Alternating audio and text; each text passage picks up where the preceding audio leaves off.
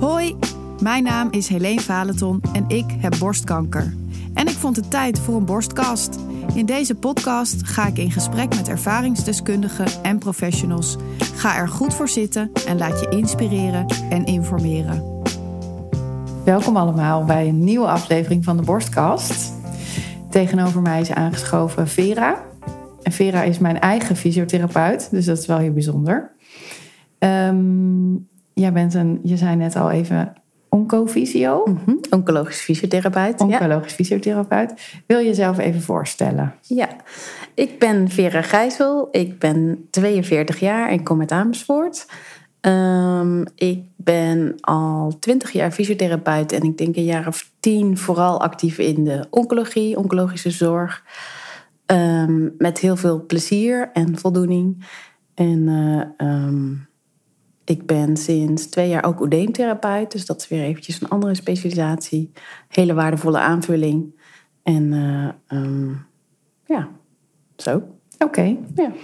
En um, wat doe je als oncologisch fysiotherapeut? Wat, wat voor specialisatie is dat? Behalve dat ik dan denk, dan werk je dus met mensen die kanker hebben of hebben gehad. Ja. Maar ja, wat doe je dan anders dan een andere fysiotherapeut? Ja, Um, een oncologie-fysiotherapeut heeft een specialisatie, dus extra opleiding in de vorm van cursussen of eventueel een master. Um, en vaak zie je dat oncologisch fysiotherapeut ook odeemtherapeut zijn, omdat odeem en oncologie redelijk vaak met elkaar verbonden zijn. Wat is odeem? Odeem is vocht. Uh, bijvoorbeeld als ja precies vocht vasthouden. Dus als vrouwen uh, een borstamputatie hebben gehad of een borstoperatie, dan zit er vaak vocht in het weefsel onder de huid. Um, en eventueel in de arm als, het, uh, ja, als dat zo is. In de, als het in de, de lymfeklier heeft gezeten. Ja, een beetje afhankelijk van of je er van tevoren al aanleg voor hebt. Kan het ook zijn dat je dus last krijgt van arm, armoedeems in de bovenarm, onderarm, mm -hmm. hand, regio. En omdat dat vaak met elkaar verbonden is, is het ook handig om dat om van allebei uh, op de hoogte te zijn ja. en behandelingen daarin te kunnen geven. Oké. Okay. Ja. En um, nou ja, nu is het zo dat ik uh, de diagnose kreeg en uh, meteen dacht: wat kan ik zelf doen? En dat ik in het ziekenhuis te horen kreeg dat je daar een oncologisch fysiotherapeut zou kunnen gaan. Um, en ik ging daar heel bleu in, ging gewoon googlen en toen kwam ik op jou. Mm-hmm. dus uh, we zijn heel toevallig eigenlijk, uh, ben ik bij jou terechtgekomen. Maar ik vond het gelijk heel fijn. Um, ook omdat ik de eerste keer bij jou kwam en je zei... Uh, oh, borstkanker, ja. Krijg je dan vier keer RC en twaalf, twaalf keer paclitaxel? Dat ik dacht, wow, zij weet echt gewoon meer wat me te wachten staat dan ik zelf. Dus dat gaf heel veel vertrouwen. Dat je kennis hebt van... Uh, de ziekte die je dan op, op dat moment hebt en de behandeling daarvoor. Um, maar daar heb je een specifieke opleiding voor gedaan om die kennis mm-hmm. te vergaren. Ja. ja, en dat is ook direct het, uh, het lastige um, van het vak oncologie fysiotherapie, denk ik. Je mm-hmm. moet heel veel weten van wat ze bij de patiënt doen. Hè, qua behandelingen, ja. chemo's, bestralingen, operaties. Wat voor impact dat heeft, fysiek, mentaal. Uh, en daar baseren, of daar sluiten wij dan met onze behandeling weer bij aan. Ja. Om voorwaarden te scheppen voor die behandelingen of om mensen er bovenop te helpen als die behandelingen voorbij zijn.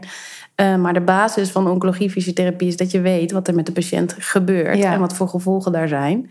Zodat we dat kunnen oppakken en omturnen naar uh, of conditieverbetering, pijnvermindering, ja. uh, energietoename, dat soort dingen allemaal. Dus je, ja, het grootste gedeelte van de opleiding is dat je weet wat er met de patiënt gebeurt qua ja, behandeling ja. en dat soort dingen. Ja, ja want het, uh, je krijgt nogal wat medicijnen toegediend ja, die echt allerlei bijwerkingen hebben. Ja, precies. En, en waarvan dat... je kunt denken, oh, wat ga, dit, dit overkomt me en ik kan hier niks aan doen. Maar ik heb inmiddels geleerd dat je dus samen met een fysio um, daar wel degelijk iets aan kan doen. Ja, ja precies. En ook uh, een groot onderdeel van ons vak is ook het uitleggen. Hè? Dus dat mensen het begrijpen ja. wat er gebeurt. Of waarom ze zich niet goed voelen. Of waarom ze vermoeid zijn. Waarom het niet lukt om nou ja, kracht te zetten. Of waarom ze buiten adem zijn. En als mensen dat begrijpen. Dan kan je ook een stukje angst wegnemen. Ja. En kan je zorgen dat ze de juiste dingen wel doen. En de dingen die wat minder helpend zijn ja. uh, laten. Dus ja. En kan je daar een, uh, ja, wat meer over vertellen als je het hebt over borstkanker? Dus wat Mhm. zijn bijvoorbeeld veel voorkomende klachten van mensen waar je, waar, waar je die angst weg kunt nemen door wat uitleg te geven? Wil je dat over vertellen? Ja. Eh, nou, borstkanker komt dus heel veel voor. Hè? Ja. Eén op de, ongeveer 1 op de 7 vrouwen eh, wordt geconfronteerd met borstkanker. Er zijn ook mannen met borstkanker. Eh, Mhm. dat komt, maar wel veel in veel mindere mate komt dat voor. Ehm, wat je vaak ziet is als mensen de diagnose krijgen, dat ze echt helemaal eh, eh, in de stress schieten, paniek hebben, eh, niet meer weten wat ze moeten en dat soort dingen. Die fase zien we niet zo heel vaak. Mensen, bij, bij de meeste mensen is het al een beetje ehm, eh, geland Ja. voordat ja. ze bij mij komen. Ehm, en wat je vaak ziet is eh, ehm, dat mensen die van tevoren al sporten, eh, graag fit willen blijven. Dus die mensen zie ik eigenlijk heel veel. Mhm. Of mensen die gestuurd worden door de artsen of oncologieverpleegkundigen. eh, omdat ze niet fit genoeg zijn. ja. eh, of fit moeten worden voor een operatie bijvoorbeeld. Maar de groep daartussenin, die Nou ja. zie je dus eigenlijk weinig? Nou ja, minder. Laten we het zo eens in mindere mate. En eh, ehm, in het ziekenhuis doen ze wel ook echt hun best om, om ehm, de grootste informatie, zullen we maar zeggen, te geven aan de patiënten. Ehm, maar dat zijn ook de meeste mensen die dan ons, ons benaderen, zelf al, zullen we maar zeggen. En eh, het zou wel mooi zijn als misschien die mensen van die tussencategorie, eh, eh, dat we die ook wat meer zouden zien. Ja. Maar goed, ja, dat, eh, ehm, daar is nog werk aan de winkel, Ja, denk ik. ja. Ehm, en ja, wat kan je voor die groepen betekenen? Eh, mensen starten vaak best wel snel al met de behandelingen. Ehm, en dan ga je toch in een soort van overlevingsstand. Hè, van ik moet dit Ja. doorkomen. Wat gaat er met me gebeuren? Eh, die onzekerheid speelt een hele grote rol, vooral in die eerste fase. Ehm, en daarin kan je handvatten geven aan mensen. Eh, dus wat ik net ook zei, hè, met uitleg. Eh, eh, waarom gebeuren er bepaalde dingen? Waarom voel je bepaalde dingen? Wat zou je eraan kunnen doen om het eh, behapbaarder te maken voor jezelf, voor je omgeving? En dat is vooral die eerste fase waar, we, waar we druk mee zijn. Ja, het, is toch eens, het is niet echt een soort van verwerking, maar wel aanpassen aan de nieuwe situatie. ja, zeker. En dan kan je een hoop praktische tips ook ingeven. Ehm, en vooral ook geruststellen. Dus het is normaal dat je je zo voelt. Ja. Ehm, nou ja, het is bij iedereen zo. Maar goed, die herkenbaarheid is vaak ook fijn. Want Mensen willen toch graag horen van... eh, eh, ehm, ja, meer mensen hebben dit. ja, en, eh, ik ben niet gek nee, of raar of uitzonderlijk. Ja. Nee. En, En, wat eh, zijn veel voorkomende klachten die je hoort? Vermoeidheid is denk ik, daar kan iedereen zich in vinden. Maar Ja, fysieke dingen? Eh, fysieke dingen. Ehm, veel mensen hebben toch nog het idee dat je van chemo heel erg misselijk wordt. Dat Mhm. verschilt heel erg per Ja. persoon, laat dat duidelijk zijn. Eh, maar dat is over het algemeen tegenwoordig echt in mindere mate aanwezig. Omdat ze daar hele goede medicijnen voor Ja, hebben om dat tegen te gaan. Ja. Eh, dus mensen denken dat dat zo is, maar dat valt eigenlijk mee. Of denken dat het nog gaat komen. Of dat zo. het nog gaat komen, Ja. precies. Ehm, eh, wat je wel ziet is dat mensen eh, moeite hebben met... of ja, veranderde eetlust of veranderde smaak en dat Ja. soort dingen. Dat is natuurlijk niet echt mijn vakgebied. Maar goed, het is wel weer fijn om te horen dat heel veel mensen dat Ja. hebben. Ehm, en fysieke klachten waar ik vooral iets mee kan, is inderdaad wel die vermoeidheid. Wat je soms ziet, is dat mensen eh, pijnklachten hebben. Beetje afhankelijk van wat voor chemo's je krijgt, kan je ook bijvoorbeeld last van je handen en je voeten krijgen. Ja, dat is die neuropathie. hè? Neuropathie, precies. Ehm, die neuropathie kan ik niet wegnemen, maar ik kan wel uitleggen waardoor het komt, waar ze op moeten letten, eh, verzachtende maatregelen van handschoenen gebruiken, dat soort dingen. Dus hele praktische tips Ja. naast de uitleg en de geruststelling. Ehm, wat je veel ziet bij mensen die pas aan de chemo zijn, is toch ook al wel snel dat ze toch een beetje nou ja, de weg kwijt zijn. Chemobrein noemen we, eh, Ja. noemen we dat. Hè? Ja. Dus eh, vergeetachtigheid, moeite met concentreren. ehm, en ja, niet alles het hoofd kunnen bieden van het dagelijks leven, niet alles kunnen regelen. En ook dat zijn dingen die heel normaal zijn. En voor een gedeelte is dat natuurlijk ook niet mijn vakgebied. Maar aan de andere kant zijn er wel ook een hele hoop praktische tips. Om dingen stap voor stap te bekijken, dingen om je heen te regelen, hulp in te roepen. Eh, en die tips kan ik ook geven, kan ook de oncologieverpleegkundige geven. Maar als je toch al bij me bent, dan uh, Ja. kunnen we zo al pratend eh, vaak toch wel tot inzichten komen of praktische tips. Ja, ik weet, ik weet echt nog goed dat ik de intake bij jou had. En dat je zei, eh, ik ben het gewend dat mensen afspraken vergeten. Ja. Ehm, of eh, Of van tevoren afbellen omdat ze toch eh, nog bloed moeten prikken of Ja, eh, zich en- toch niet goed voelen. ja, precies. En dat is helemaal oké. en dat is heel normaal. En als je er niet komt, ga ik wel even bellen om te vragen of alles oké is. Maar Ja. dat, dat gaf mij een heel prettig gevoel van... ehm, ja, je weet gewoon niet hoe je je morgen gaat voelen. Nee, en ehm, dat heeft iedereen die kanker heeft. absoluut. Dus dat gaf een heel fijn gevoel van, ehm, ja, je bent niet alleen in je klachten, zeg maar. En het is, het is oké en het is niet erg als je het een keer vergeet of zo. Weet je wel, dat vond ik heel prettig. Dat, Ja, en mensen vergissen zich denk ik ook eh, in het feit hoeveel tijd en moeite ziek zijn kost. ja, In de actieve behandeling bedoel ik dan vooral hè, alle afspraken in het ziekenhuis. Ja, het baan. bloed prikken. ja, precies. Overzicht houden. Als je niet zelf kan gaan, mensen regelen die je kunt brengen, die je kunnen halen, dat Ja. soort dingen. ja, Ehm, mensen hebben geen idee. En daar word je ingestort en je moet. Dus eh, eh, ook dat, het hoofd bieden en eh, gewoon even je gal kunnen spugen over dat de taxi te laat was of weet ik veel wat. Dat Ja. heeft ook functie, hè? Gewoon om ja, stress te reduceren en zorgen weg te nemen. ja. Dat soort dingen. Ja. Ja, ik denk ook dat we, tenminste dan spreek ik voor mezelf, maar dat we wel, dat je wel weet van, oh, het is wel een soort fulltime baan, want iedereen zegt het ook tegen je. Maar dat je dan nog een zelfbeeld kan hebben van, eh, ja, ik werk toch niet, ik doe toch nu niks. Iedereen er wordt van alles uit handen genomen, maar eh, het neemt zoveel hersenruimte in Mhm. eh, het ziek zijn zelf. En dan heb je het nog niet eens over alle afspraken die Nee, je klopt. hebt, maar Ja. ja, die Als je niks doet, ben je al heel druk bezig met Ja. van alles en nog wat. Ja. Je lijf, je je gedachten. lijf of ja. je hoofd, inderdaad. Ja, dus dat is ook fijn als dat af en toe tegen je gezegd wordt. Ja. En In het ziekenhuis zeggen ze dat wel, maar dat, die afspraken zijn toch vaak ook gericht echt op je behandeling. En dan moet je heel goed opletten. Van, oh, snap ik het allemaal? En heb ik het allemaal goed onthouden? En, en bij een fysio kan je dan... ehm, ja, wat, misschien ook wat meer stilstaan bij van... Wat, nou, wat kan je nu zelf doen en hoe gaat het met je, zeg maar. Absoluut, Ja. absoluut. En je hebt ook... ehm, relatief gezien hebben wij veel tijd voor de mensen. Hè? Mhm. Zitting fysiotherapie is ongeveer een half uur. Ehm, en in dat half uur hebben we alle tijd om allerlei dingen te doen. Behandelingen, trainen, oefeningen, Ja. tapen, dat soort dingen. Maar ook om te praten. En waarschijnlijk zie ik je die week daarna nog een keer. Of diezelfde week nog een keer. En dan heb je er nog eens over nagedacht. Dan kan je nog eens weer eh, je vraag nog een keer stellen. Of een andere vraag die bij je is opgekomen. Ja. En dat is het voordeel van ons. Dat we de mensen veel zien, vaak zien. Laagdrempelig eh, benaderbaar zijn. En dat is heel anders dan dat je een dokter zou gaan bellen. En, en de tijdsfactor, en dat is denk ik gewoon in de hele gezondheidszorg. Ehm, ja, een dokter heeft denk ik 10 minuten standaard voor je, kwartier. Beetje afhankelijk, als het een slecht nieuwsgesprek is, rooster er gewoon meer tijd in. Ja, Ehm, maar het is ook een bedrijf. En Ja. ja. je bent dan een van de velen die ze ook moeten helpen. Ja. Dat is eh, ja, gewoon heel anders. vervelend, maar waar. Ja. Ja. daar kunnen zij ook niks aan doen en jij ook niet. Nee, zeker niet.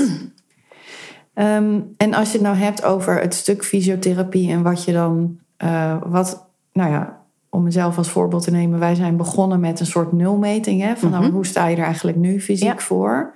Wil je dat uitleggen wat je dan doet? Want jij ging allemaal cijfertjes opschrijven. Ja, en uiteindelijk kreeg ik een rapportcijfer. ja. had je een beetje goed cijfer? Of, eh? Vijf en een half. Oh, nou. Net voldoende. Ja, oké, goed. Ja, net voldoende, goed.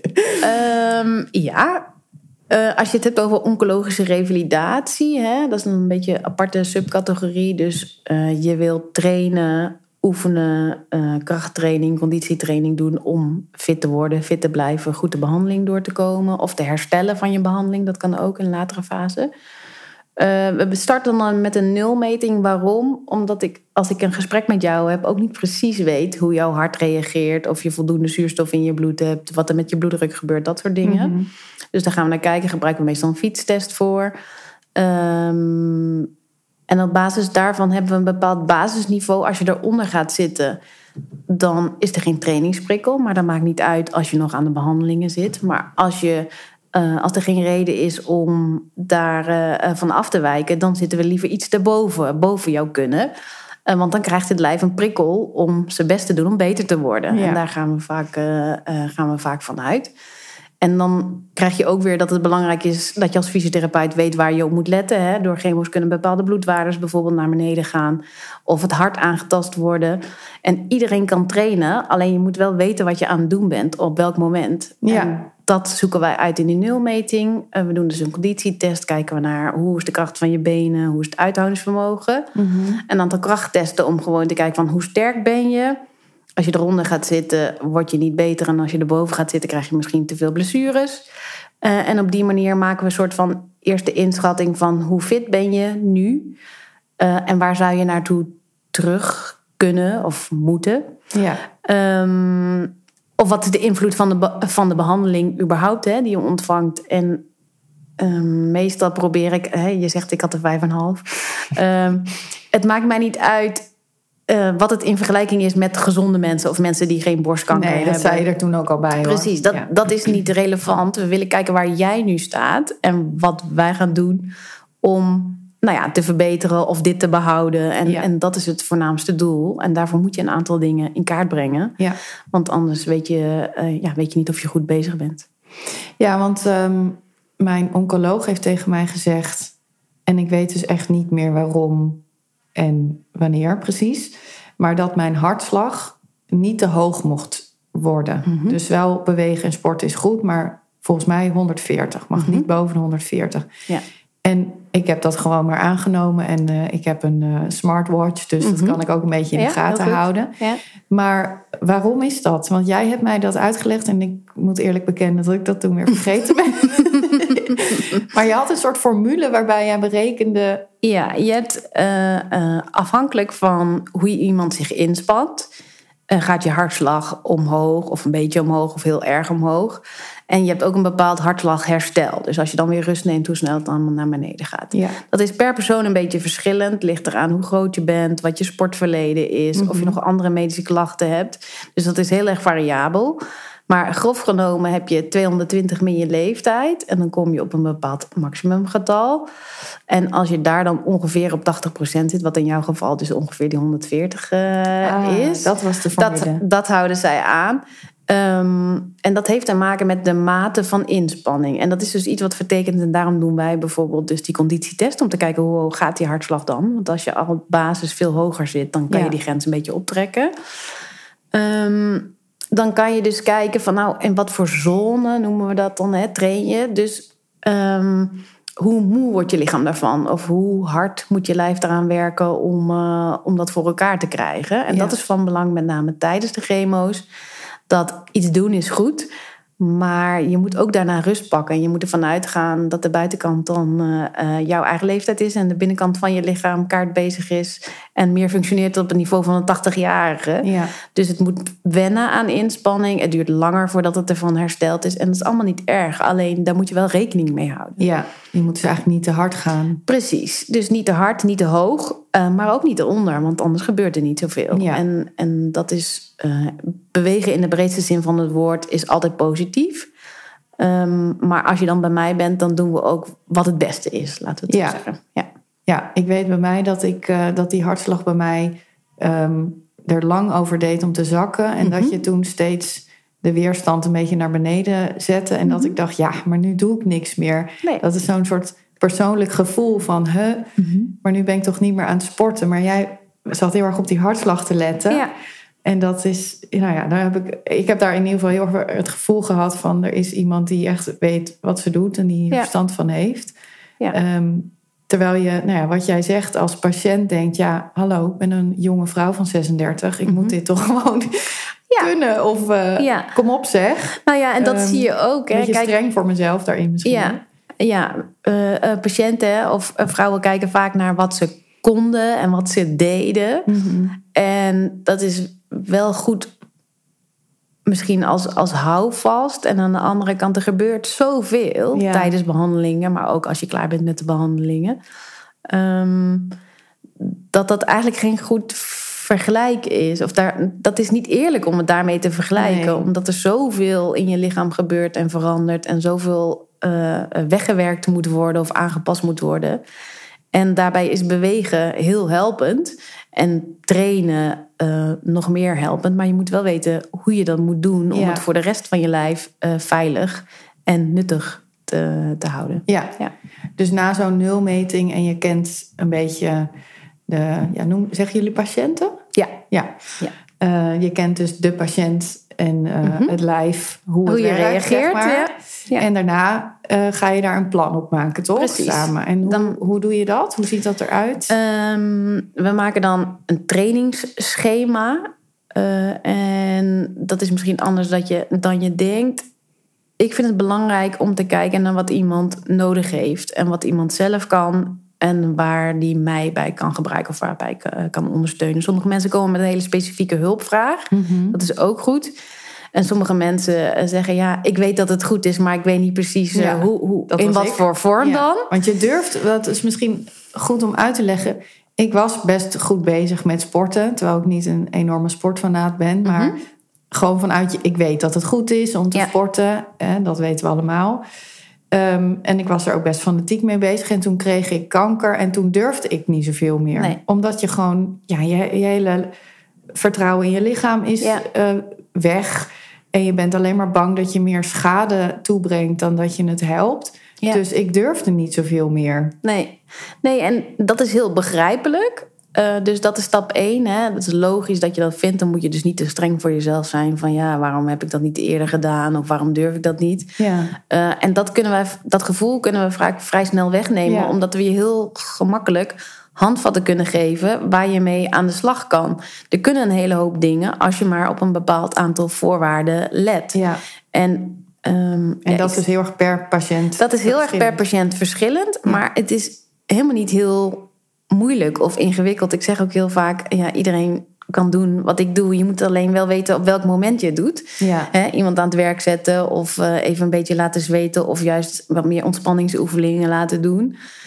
Ja, dat kan eigenlijk iedereen. Alleen als je het niet op het goede moment doet... heeft het waarschijnlijk een minder gewenst effect... of een averechts effect. En dat Ja. is natuurlijk niet de bedoeling. En daar, daarvoor is ons specialisme. en als je het dan hebt over een averechts effect, bedoel, kan je ook echt dingen misdoen of niet goed doen? Als patiënt? Ehm, ja.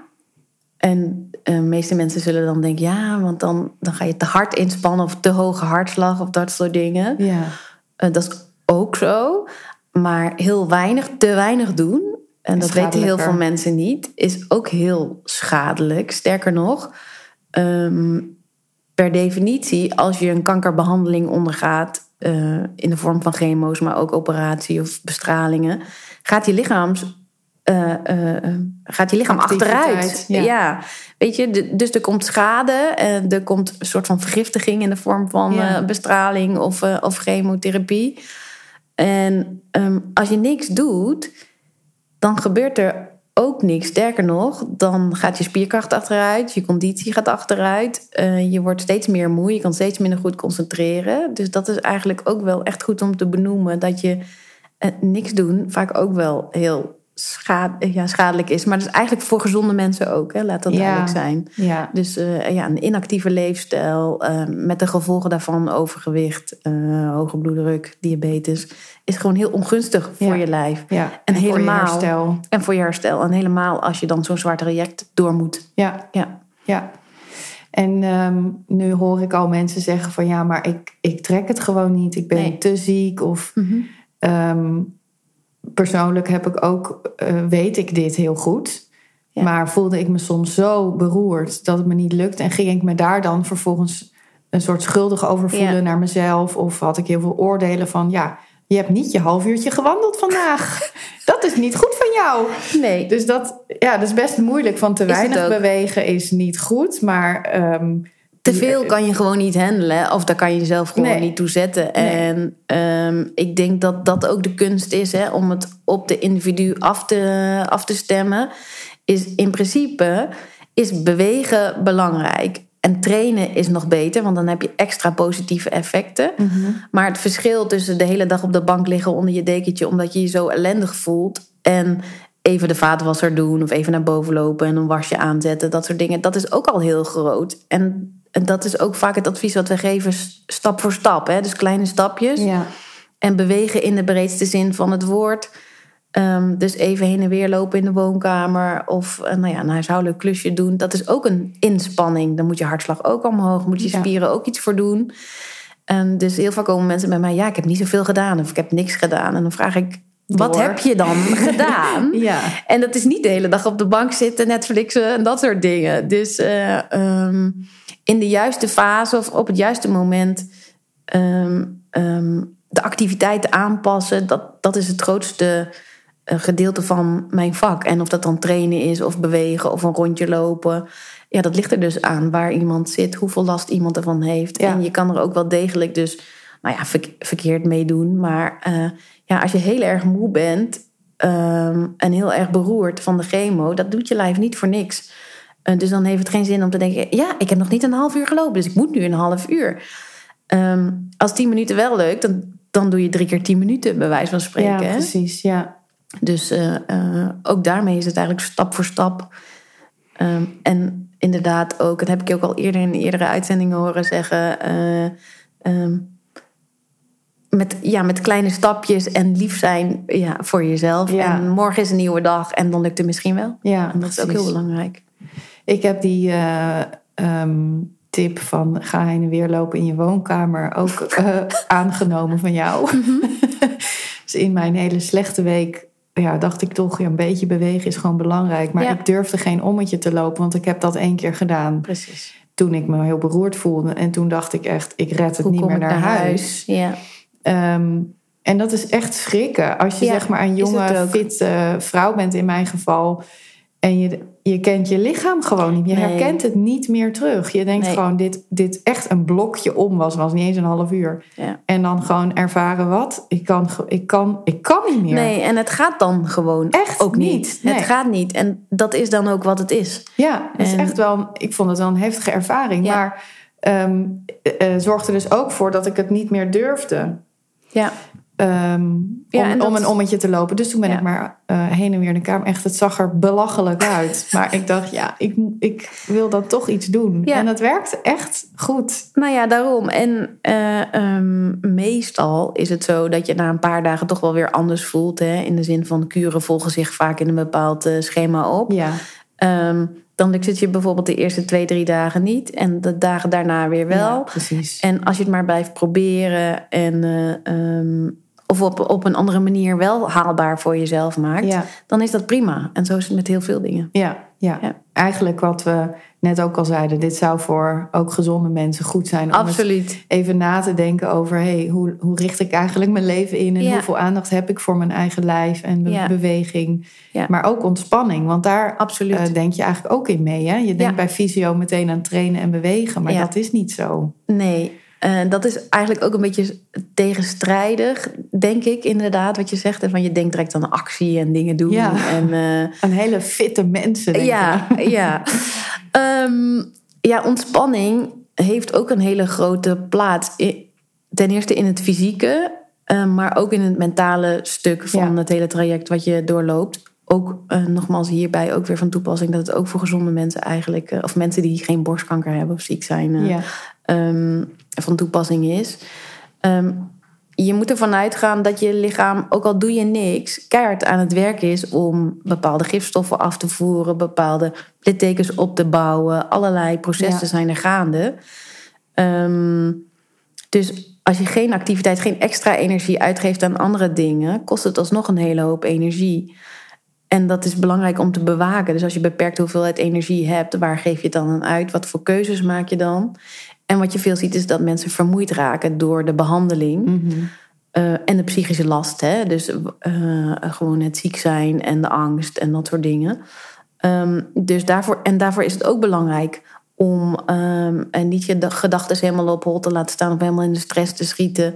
Eh, goed te kunnen blijven slapen. Dat zie je ook veel slaapproblemen door, ja, aan de ene kant door chemo, maar ook door medicatie die ze daar dan bij geven. Verstoord te slapen of het inslapen of Ja, het de doorslapen. dexamethason Dexamethason, echt, eh, ja. Ehm, en, en dat heeft ook impact op je dag. Ehm, en ik denk wel als mensen eh, kleine kinderen hebben of hebben gehad, dat je eh, weet hoe het is om uh, nou ja, de nacht braken. Maar dan mankeer je verder niks. En nu ben je eigenlijk al, nou ja, even kort gezegd, ziek, zwak en misselijk. En heb je ook nog een slechte nacht. Ja, dat doet psychisch en lichamelijk ook heel veel met je. Ja. En de kunst is om daar een modus in te vinden. Die kan dat niet afdwingen. En dat kan je bijvoorbeeld met ontspanningsoefeningen, doseren van activiteiten en rust overdag wel reguleren. En dat is niet van vandaag en morgen geregeld. Maar als je daar op tijd bij bent, kun je daar nog een hele hoop in bijstellen. En geeft het je ook weer het gevoel dat je een soort van controle daarover hebt. Um, ja. Waardoor dat vanzelf dan in die zin, door dat controlegevoel, ook wat beter gaat waarschijnlijk. En ja. omdat veel behandelingen vaak lang duren, is het wel van waarde dat je dat uh, ja, beheerst. Hè? Of dat je, ja, dat je dat kan. Ja, want als je het nou over controle hebt, dan, dan ben je dat natuurlijk totaal kwijt. Ja. Als je de diagnose borstkanker Absoluut. krijgt. Of überhaupt kanker. Maar we hebben het even hier specifiek Ja. over borstkanker. Ja. En alle behandelingen die je moet ondergaan. Waar je eigenlijk toch het gevoel hebt, ik heb weinig keuze. Absoluut. Ehm, al helemaal in het chemo-stuk. Hè, dan Mhm. ga je heel erg af op de expertise van de, de artsen die Ja. weten wat ze moeten doen om je beter te maken. Mhm. Met een operatie is het dan weer net iets anders, omdat je dan ook je eigen keuzes Ja. daarin kunt maken. Klopt. Ehm, maar dat gevoel van controleverlies is eh, heel groot. Ja. En door ehm, met een fysio samen het te hebben over wat kan je doen in, eh, hoe noem je dat, ontspanning en Ja. eh, inspanning, Ja. ehm, kan je weer een beetje het gevoel krijgen, oh ja, maar hier heb ik wel zelf controle op. ja, en vooral de dingen die je zelf kan doen zijn Ja. gewoon prettig. Ja. Ja. Ja. ja. En word je, zeg maar, worden mensen door het ziekenhuis naar jou doorverwezen? Even een vraagje tussendoor. Hoe, hoe komen mensen bij jou? Ja. Ehm, we krijgen heel vaak verwijzingen via de oncologie verpleegkundige. Mhm. hè. Dus ehm, bij, eh, bij borstkanker is het dan de mama care verpleegkundige. Ja. Dat is een speciale verpleegkundige die alles weet ook over de behandelingen. Die heel nauw contact hebben met de oncologen, chirurgen. Ehm, en je ook allerlei ehm, eh, tips, praktische tips, maar ook behandelingen kunnen adviseren. In wat voor situatie dan ook. Mhm. En ehm, wat was je vraag ook weer? Nou, hoe mensen vooral bij jou Oh ja. komen. Ja, dus via de oncologieverpleegkundige vooral, via de specialisten ook wel. Mhm. Ehm, en ik vind toch ook wel dat veel mensen zelf ook naar ons toe komen. Eh, ja. Omdat ze op zoek zijn naar praktische handvatten of een hele concrete hulpvraag hebben van. eh, ehm, nou ja, ik wil heel graag eh, eh, mijn fietsconditie zo goed mogelijk houden. Hoe doe ik dat ondanks alle Ja. eh, problemen? En dat hoeft dus ook niet per se elke week, twee keer in de week voor drie maanden of zolang de behandeling duurt bij mij te zijn.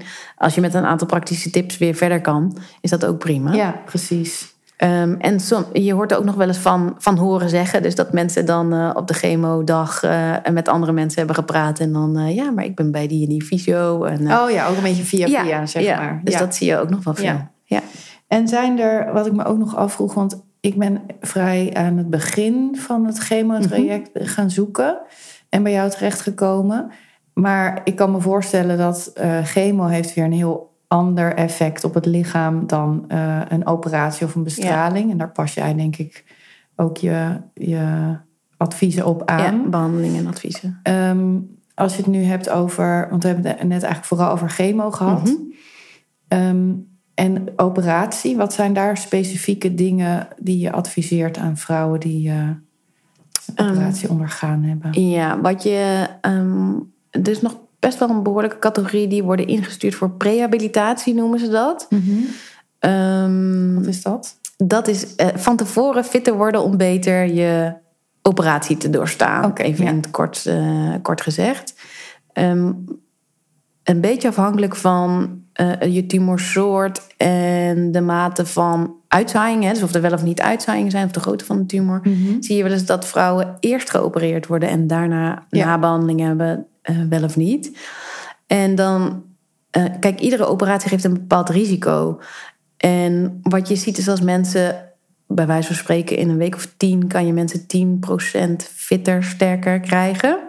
Ehm, dan zie je vaak dat de risicofactoren na operatie, dus infecties of uh, bloedingen, dat soort dingen, dat die, dat die percentages heel erg afnemen.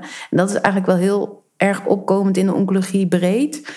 Um, dat ze van tevoren ellende na de operatie proberen te voorkomen. Dus mensen zijn sneller weer uh, of, uh, met minder pijn, sneller fit, minder vermoeid, minder complicaties. En, uh, het is ongelooflijk eigenlijk. Dat je dus... Met iets heel simpels, ja. maar je moet het wel doen. Ja, ja. ja. ja. Dus dat is vooral voor de operatie. Wat we nog wel eens doen is... Um, maar dat is wel meestal als mensen al bij ons zijn hoor. heel veel vrouwen vragen wel uh, um, wat vind jij? Hè? Van, uh, ja. Moet ik een reconstructie of, uh, ja. of niet? Hè? Of wat zijn de gevolgen? Hoe kijk jij daarna? Wat vind je ervan? dus dat is meer informatief. Hè? Van nou, wat zien we veel? wat zijn je twijfels? Dat soort dingen. Daar hebben we ook relatief veel tijd voor om, om het daarover te mm -hmm. hebben. Wat zijn de consequenties van bepaalde operaties? Um, bepaalde volgordes bijvoorbeeld, hè, van wel of niet direct reconstrueren of ja. dat soort dingen. En vervolgens na de operatie is het uh, advies geven. Wat mag ik wel, wat mag ik niet? Waar moet ik op letten? Wanneer moet ik aan de bel trekken?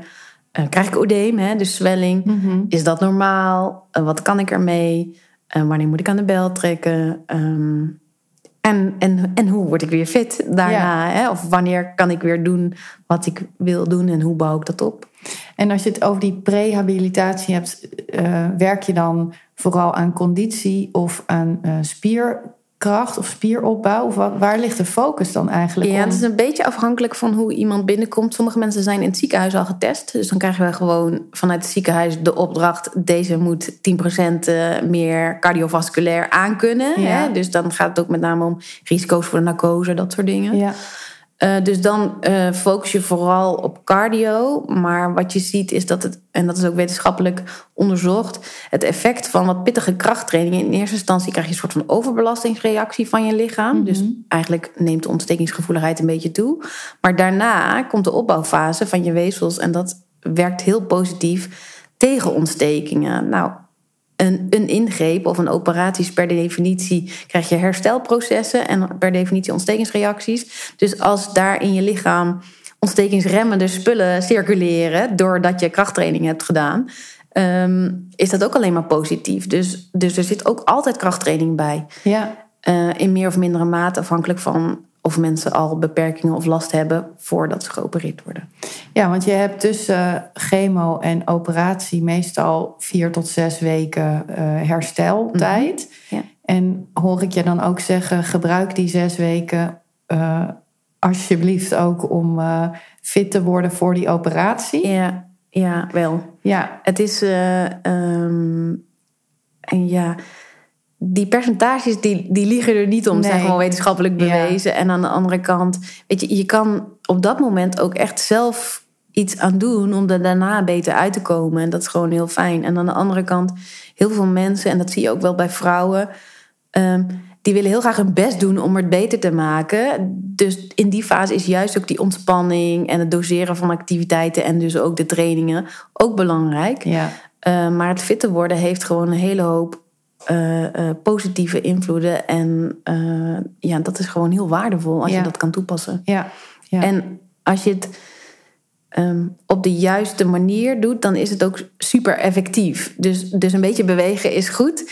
Maar als je precies volgens de richtlijnen kan bewegen, dan is dat beter. Ja, dat, ja precies. Want ik denk dat, dat veel mensen best denken: oké, okay, dan ga ik wat meer wandelen ja. of zo. En dat heel is nuttig, heel altijd goed, goed en heel nuttig. Maar ik hoor jou eigenlijk ook zeggen: trainen. Of ja, trainen is iets anders dan bewegen. Ja, dat is dus eigenlijk zou nog beter zijn als, als je het op kan brengen. En nou zo. ja, precies. Hè. Je moet dat kunnen opbrengen. Je moet het durven. Ja. Hè, want uh, ik hoorde jou net ook zeggen... Uh, ik was bang dat ik iets kapot zou maken. Ja. Of weet ik wat. Je bent geopereerd. Dus dan moet je rekening mee houden... met hersteltijd van littekens. Ja. complicerende factoren, infecties of oedeem. Dat soort dingen. Um, dus je moet goed weten wanneer je wat doet. Ja. Um, en als je ja, bij een oncologische fysiotherapeut bent, dan, dan doe je het beste wat kan. Ja, Dus eigenlijk niet ga zelf eh, een beetje pielen met trainen. Want ehm, ja, dan weet je misschien niet helemaal wat je doet. Zeg je dat eigenlijk ook? Of? Mm, Een beetje. Als je weet waar je op moet letten, kan je prima zelf trainen. Ja. Ik, mm, wat ik net ook zei, hè, ik hoef niet per se eh, twee, drie keer in de week eh, Nee. alle patiënten bij me te zien. Dat kan ook helemaal niet. En heel veel mensen kennen hun lichaam eigenlijk best goed als ze een beetje eh, gewend zijn om te sporten, in wat voor vorm dan ook. Ja, Dus dan voel je heel goed, dit is spierpijn en dit is andere pijn. Of dit is vermoeidheid omdat ik lekker heb bewogen en dit is kankervermoeidheid, bij Ja. wijze van spreken. Op een Ja. gegeven moment kan je daar wat, eh, wat onderscheid in maken. Dan ben je ook wat verder in het traject, dus dat scheelt ook. ja, En ehm, kijk, te veel doen is niet goed, maar te weinig is ook zonde. ja. En, en die balans zoeken, eh, daar heb je handvatten voor nodig. En dat moet je meten. En als je weet hoe je dat moet meten, dan is het ook goed. Ja, en En je- gesprekken heb Ja. je daar eigenlijk voor nodig. Hè? Ja. Want we, we hadden even in een voorgesprekje het ook over... eh ja, fysio denk je natuurlijk ook aan, aan fysieke ondersteuning. Mhm. Nu is psychologische hulp ook heel waardevol Absoluut. en nuttig... tijdens een heel eh, kankertraject. Maar ehm, weten we helaas ook dat er ongelooflijk veel wachtlijsten zijn. Ja. Ik heb dat zelf ervaren, dat ik mezelf heb aangemeld... bij het Helen Downing Instituut... twee weken na mijn diagnose... Ehm, en eh 17 weken sta ik nu op de wachtlijst. Ja, en dat is echt eh, lang. hè? dat is echt lang. Dus ik ben zelf ook al aan het zoeken naar... oké, ik merk wel nu zeg maar de hele grote paniek en angst Ja. wat gezakt is. Krijg je wat meer ruimte om Ja. over dingen na te denken. Te laten ja, en ook wel ja. behoefte aan... hé, hey, wat is er nou eigenlijk allemaal gebeurd? En het is eigenlijk wel fijn om hier met iemand over te praten. En nu doe je dat als fysio ook al best wel veel. Want ik heb met jou denk ik ook al heel veel gedeeld. Absoluut. Maar het is anders dan echt... ehm, ja, ik ben een geen psycholoog psycholoog. Nee, natuurlijk. precies. Maar die combinatie zou wel mooi zijn als je en het fysieke stuk en Absoluut. het psychologische stuk eh, samen aanpakt. Ja. Ehm, maar we hebben te maken met heel veel wachtlijsten. Heb jij nog tips voor vrouwen die hierin zitten en denken: ja, ik ben gewoon alleen maar aan het wachten? Ja, ja wat we kunnen zeker. doen. Ja. Eh, kijk, het erkennen is al één ding. Hè? Dus het Mhm. zien, eh, het erkennen van de behoeften in welke fase of in wat voor vorm dan ook. Ehm, en kijk, als je echt vastloopt in bepaalde dingen, dan zul je een keer psychologische hulp nodig hebben om, om dat soort eh, knooppunten eh, eh, ja, op te lossen. Ja, Ehm, maar daarvoor kan je ook al een hoop nuttige dingen doen waar we het al eerder over hebben gehad. Die ontspanning ook goed toepassen. Hè? Letten op je rust en je activiteiten. Eh, maar bijvoorbeeld ook een bezoek aan de haptotherapeut bijvoorbeeld. Hè? Dat is deels fysiek, maar ook wel gericht op eh, hoe voelt je lichaam? Vertrouw je daarop? Ja. eh, angst, hoe voelt dat dan? Ga je daar naartoe of ga je daarvan weg? Ehm gesprek met bijvoorbeeld de ondersteuner van de huisarts. Ehm, dat is wel iemand die gespecialiseerd is in de richting van psychologische klachten, maar het is geen psycholoog. Zijn vaak laagdrempelig eh, benaderbaar, hebben geen wachtlijst vaak. Is vaak ook dezelfde persoon. En dat Ja. is voor mensen ook heel waardevol. Dat er niet veel wisselende gezichten zijn. Ze kennen vaak je gezin en de omstandigheden eromheen. Dat scheelt ook. ja en dus eh, werk nou samen met de huisarts. Ja, hè? Dus dat is ook een voordeel daarvan. Ja, Absoluut. En je hebt ook een hele hoop ja, ontspanningsapps, eh, mindfulness, meditatie, ademhalingsoefeningen. Er is ontzettend veel. Ehm, ik zeg altijd tegen mensen: weet waar je het kan vinden. eh, zodat je niet hele rare, gekke websites en gekke dingen doet. ja. Ehm, dus bijvoorbeeld eh, kanker.nl is een, is een website of van de borstkankervereniging. Daar staan allerlei linkjes en verwijzingen naar allerlei apps en dat soort dingen. Ehm, en, en dat kan ook heel helpend zijn. Ook al, ook al denk je dat van tevoren niet. Heel veel mensen hebben een smartwatch. En je betrapt jezelf gewoon erop als je een dag hebt met 2000 stappen. Dat je denkt, ah, dat doe ik toch nog even een rondje lopen. Want dan heb ik Ja. er 3000 of Ja. zo. Hè. Ja. Dus dat soort kleine dingen.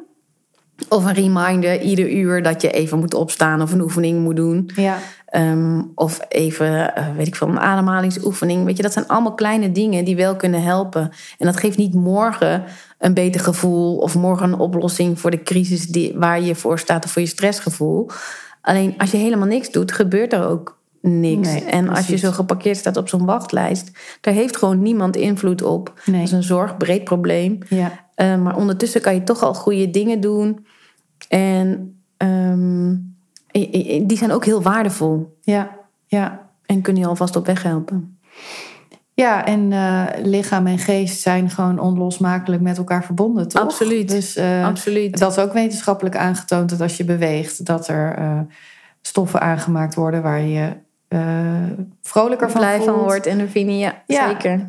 Um, en andersom ook. Als je goed voor je geest zorgt, kan je lichaam makkelijker ontspannen. Ja, precies. Dus kan, wordt je eh, slaap positief beïnvloed. En slaap Ja. heb je nodig om te kunnen herstellen. Ja. Ja, het is een heel ingewikkeld en mooi, een mooie interactie. En, en, en het, het behoeft allebei zorg en aandacht. Zeker Ja. in zo'n eh, zo'n intensief traject als, Ja. als een borstkankerbehandeling. Ja, en een fysio die kan dus eh, goed met je meedenken, ook in de plaats waar je woont. Ja. Van nou, hier zou je naartoe kunnen gaan. Of deze apps eh, zou je kunnen Andere gebruiken. zorgverleners ook, inderdaad inloophuizen of eh, inderdaad apps of nou ja, dingen bij de huisarts, haptonomie, ergotherapie. Ja, Ja, dus het is eigenlijk een aanrader om daar eh, naartoe te gaan. ja. Snel een in beetje je preken behandeling. voor eigen parochie, hè? maar eh, nou ja, niet alleen maar voor je eigen parochie, maar ook voor andere zorgverleners. Nee, dat is toch? waar. Dus eh, dat is waar. En voor, vooral het kijken wat iemand op dat moment nodig heeft, dat is ook wel denk ik onze kracht.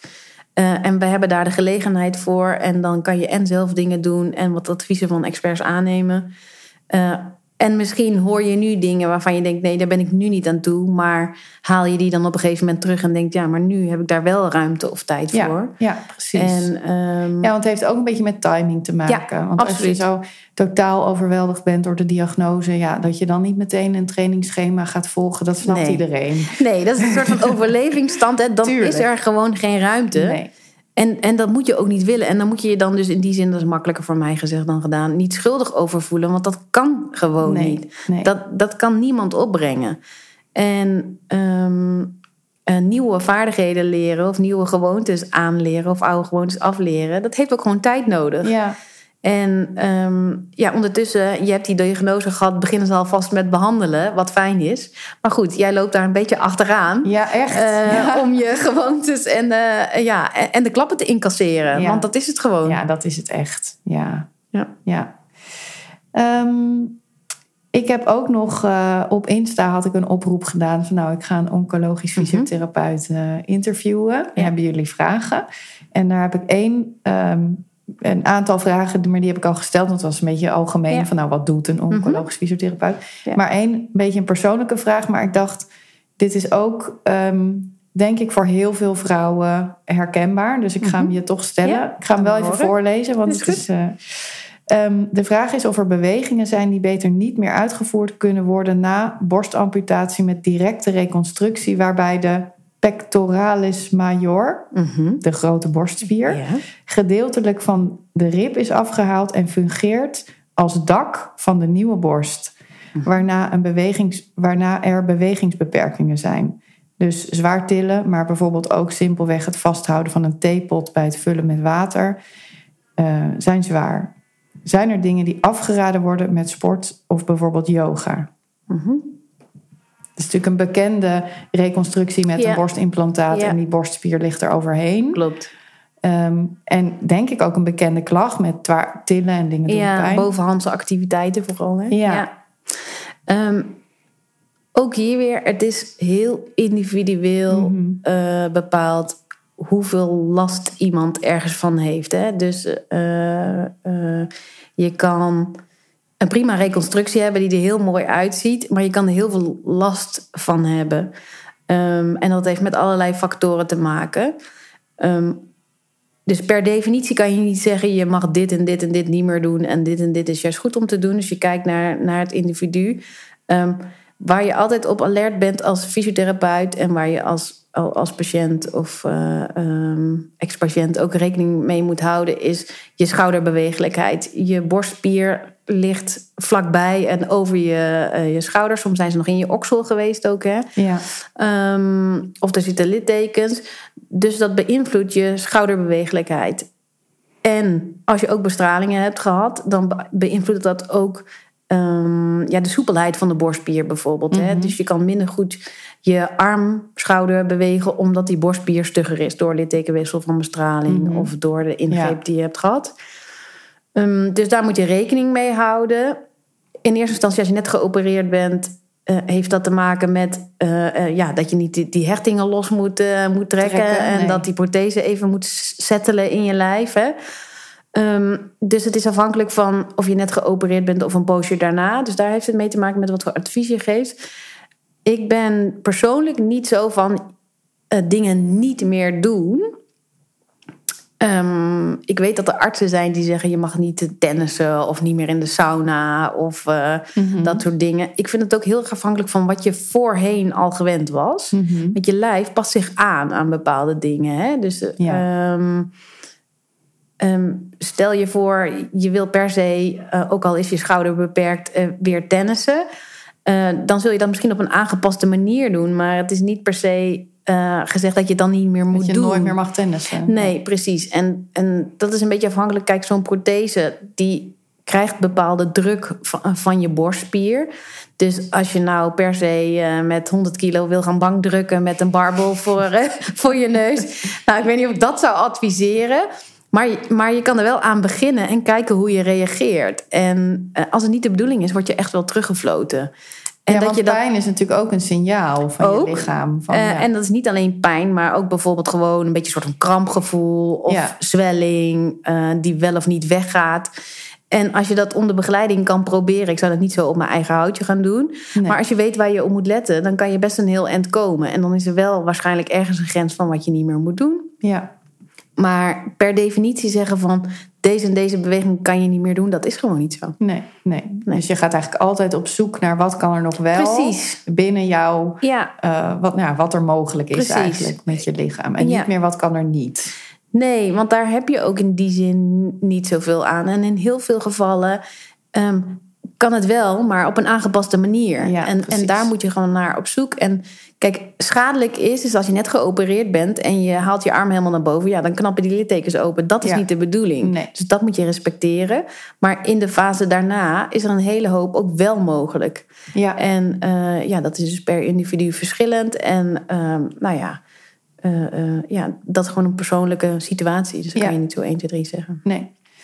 Ehm, en dan nog eh, even tot slot, denk ik. Mhm. We hebben ehm, het gehad over het stuk chemo. We hebben het over de operatie gehad. Maar bestraling is ook eh, voor heel veel vrouwen een onderdeel van het behandeltraject. Ja. Ehm, nu we- is er een beetje zo tegen mij gezegd. En hoor ik ook van ja, die bestraling. Echt. Dan, je hebt het ergste gehad met de chemo. ja, eh, precies. ja. Dus ze zeggen nog net niet piece of cake. Maar Mhm. wel van nou ja, dat, is, dat stelt niet zoveel voor. Behalve dat het intensief is dat je er elke dag Ja. naar het ziekenhuis Dat is moet. En eh, dat is ook echt heftig voor mensen. Ja. Ja. en dat is eh, mentaal vooral nogal Ja. een uitdaging, waar, waar ik me ook wel wat bij kan voorstellen. Maar als je dan soort van mensen spreekt die al allemaal hebben afgerond, Mhm. dan hoor ik eigenlijk best vaak mensen zeggen van nou ja, die bestraling vond ik best wel heftig. Ik heb last gehad van mijn huid die ja, Ja. toch anders is gaan voelen. Ehm, dus ja, ik hou er nu eigenlijk al rekening mee ehm, dat, het, dat het helemaal niet meevalt. En dat het, want ik moet dat ook ondergaan. Ja. Ehm, eh, welke rol zou jij in dat stuk, of zou een fysiotherapeut in dat stuk kunnen spelen? Ehm, eventjes, als je puur kijkt naar borstkanker. In principe is het zo, als je een volledige amputatie hebt, hoef je niet altijd per se bestraling. Ja. En als je een borstbesparende operatie kiest, dan is dat, nou ja, 99% van de gevallen, altijd. bijna altijd, eh, eh, hoort dat erbij. Ehm, wat je ziet is dat die bestralingen ook wel echt zijn veranderd in de, in de afgelopen tijd. Ehm, vroeger hadden ze hele brede stralen en pakten ze het heel gebied eh, van ongeveer je navel eh, tot je kin. en nu is het allemaal wat Ja. lokaler geworden. Dus die behandelingen zijn ook echt wel heel erg verbeterd. En wat je ziet is dat de frequentie van bestralen, hè, dus vroeger moesten vrouwen, weet ik veel, 35 keer of zo. Dat is dus eh, vijf weken, vijf, zes weken achter elkaar, alle werkdagen Ja. naar Utrecht op en neer, want dat kan hier niet. Ehm, dus dat heeft sowieso impact. En, en wat je ziet is, bestralen is eigenlijk de meest effectieve manier om kanker te elimineren. Alleen het jammere is, is dat niet alleen de kankercellen stuk gaan, maar ook alles wat er omheen ligt en wat in die straal ligt. Ja. Dus geeft dat bijwerkingen per definitie bij iedereen, maar niet in even grote mate bij iedereen. Mhm. Wat je ziet is een soort van verbrandingsreactie van de huid. Dat gaat vaak over. Eh, maar het grootste probleem met bestralen is dat je een soort van verlittekening, verharding van je bindweefsel krijgt. En dat geldt en voor je spier, en voor de vliezen die daaromheen liggen, en voor je botvlies, en voor nou ja, zenuwen die, er in de buurt liggen. En ehm, wat mensen zich niet beseffen is dat dat over twintig jaar alsnog reactie kan geven. Mm. Ehm, het is radioactief spul, hè, straling is radioactief. En, en dat blijft actief in je lichaam. Dus ook over 20 jaar kan dat een soort van krimpreactie op je bindweefsel geven. Ehm, waardoor blijvende aandacht voor dat gebied noodzakelijk is. Dus als je eerst wel helemaal je arm omhoog komt om een kopje uit de bovenste keukenkastje te pakken. En je merkt dat dat steeds minder wordt, dan moet je daar iets mee. En daar kan je dan ook gewoon nog iets mee, omdat je daar op alert bent. En dat is vooral ook. Kijk, sommige mensen hebben acute bestralingsschade, dus reacties van de huid en ontsteking en dat soort dingen. Dan ben je vaak toch in het ziekenhuis. Mhm. Maar wat je vaak ziet is in latere fases, dan krijg je dus die verharding, ehm, verstijving van de bindweefsel. En dan komen wij om de hoek kijken om littekens soepel te maken, lymfeafvloed te stimuleren bijvoorbeeld. Hè, want dat wordt dan ook door stuggere littekens Ja. of bindweefsel gestagneerd. En, en bijvoorbeeld de schoudermobiliteit eh, in de gaten houden. En als jij weet dat je erop moet letten en waar je op moet letten en wat voor oefeningen je moet doen als je merkt dat het minder wordt, dan heb je mij in eerste instantie niet nodig totdat je denkt het wordt steeds meer. Ja. En dan komen wij ook weer om de hoek kijken. ja. En doe je dat dan door adviezen te geven over beweging? Of doe je ook eh fysieke massages? Of, ja, eh, littekenbehandeling doen we veel. Mhm. hè? Dus soepel maken, losmaken van littekens. En dat is eigenlijk, ja, we zeggen dan littekenbehandeling. Maar eigenlijk is het ook de onderliggende spier. En ook de vliezen die daaromheen Ja. liggen. En het hele gebied. Ehm, maar zeker ook tips en eh do's en don'ts geven voor, voor de bewegingen in Ja. het dagelijks leven. Hè? Van waar moet je op letten? Want anders krijg je schouderklachten, nekklachten. ehm, ja. dat soort dingen. Dus dat, dat, dat is veel breder dan alleen eh, eh, ehm, ja, het litteken alleen. Maar goed, dat, dat kunnen we wel. Tapen van littekens, ehm, massages voor oedeem. En ja, ja. zeker. Wat is het dan eigenlijk breed, hè? Want ja, Mhm. het komt misschien ook doordat ik zelf nog in het chemotraject zit. Dus dat bestralen, dat voelt nog heel ja, ver dat weg. komt nog. Ja, dat is maar goed ook. Ja. zeker. En, eh, stap voor stap, wat we net ook al zeiden. Ja. Maar eigenlijk hoor ik je in zeggen dat in elke fase van de behandeling zou je van ja, heel erg aanvullende waarde Ja. kunnen zijn om, eh, om er zo goed mogelijk doorheen te komen. Nou ja, dat vooral. Hè. Eh, ehm, kijk, een hele hoop dingen eh, heb ik ook geen invloed op. Alleen als jij het beter begrijpt, dan is je angst minder. Of ja. En als je angst minder is, dan voel je vaak minder pijn. Kan je beter slapen en dan ben je beter uitgerust. Kan je beter die behandeling doorkomen. Dus op, op zo'n manier heb je met hele kleine aanvullingen vaak een heel groot effect. Ja. En dat is wel echt ook, vind ik, het mooie van, eh, van de oncologie-fysiotherapie. ja, Dus en, en fysiek, maar ook zeker wel eh, eh, ja, tussen de oren kan je een hele hoop voor mensen betekenen. zeker. Ja. Ja. Mooi.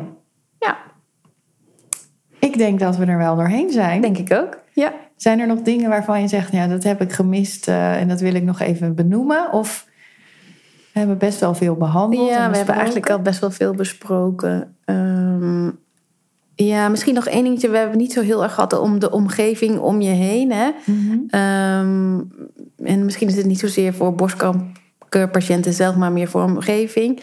Er zijn heel veel verschillende soorten, heel veel, veel verschillende soorten behandelingen, eh, verschillende personen, ehm, gezondheidstoestand van mensen. Dus iedereen kent wel iemand, een oma of een buurvrouw of een zus of een broer, weet ik wat, met, eh, met borstkanker. Maar je, je kan die niet over één kam strijken. En Nee. sommige mensen hebben wel eens een handje van, van, oh ben je nog niet aan het werk? Oh, mijn buurvrouw die werkt alweer naar Oh, eh, ja. Zoiets, hè? Of, eh, oh, vond je die eerste vier kuren het zwaarst? Oh nee, ik had het juist bij die... Weet Ja. je, en dat is allemaal, dat is absoluut goed bedoeld, hè? Dus zo bedoel ik het niet. Alleen, eh, eh, het is heel moeilijk om dat te vergelijken. En, en daar moet je als patiënt in ieder geval zeker ook niet mee zitten als het bij jou anders is. Want je, je weet niet of het dezelfde behandeling was. En je bent niet dezelfde persoon. Nee. Dus dat doet, helemaal niet, dat doet er helemaal niet toe. Nee. Dus dat is misschien nog een soort van taking home eh, message. Van, Ja, eh, mooi. ja. En ook voor de omgeving. Dus blijf, eh, blijf nieuwsgierig naar het verhaal van degene tegenover Absoluut. je. En, en doe geen aannames van, oh, Nee. het zal wel zo zijn. Want zo was het bij mijn buurvrouw ook. Precies, want dat Ja. is gewoon, er zit zoveel variatie in. Zelfs voor ons soms nog, dat je bepaalde stappen eventjes denkt van... oh, is dat bij jou anders? Oh, hoezo dan? En, ja, precies. Ja. Ja. want je hebt natuurlijk voor een, een grote middenmoot die uh, Precies. Ze hebben een protocol. ongeveer. Precies. Maar eh, dat betekent niet dat het altijd hetzelfde is voor iedereen. Nee, absoluut niet. Dus nee, Nee. zeker niet. Goeie om als laatste mee te geven. Mooi. Dankjewel voor Graag je gedaan. komst. Bedankt voor de uitnodiging. Ja, ik denk dat veel mensen hier veel aan hebben. Ik, vond het in, ik heb ook weer veel geleerd. Goed dus dat is heel fijn. Dankjewel. Super. Dank voor het luisteren van deze aflevering. In de show notes is meer informatie te vinden over het thema dat we besproken hebben. Laat een berichtje achter in de comments en laat vooral weten wat je ervan vond. En geef deze podcast sterren. Dat helpt ons om meer bekendheid te krijgen. Wil je meer weten over de Borstkast en onze gasten? Volg ons vooral op Instagram en zoek op de Borstkast. Liefs, Helene.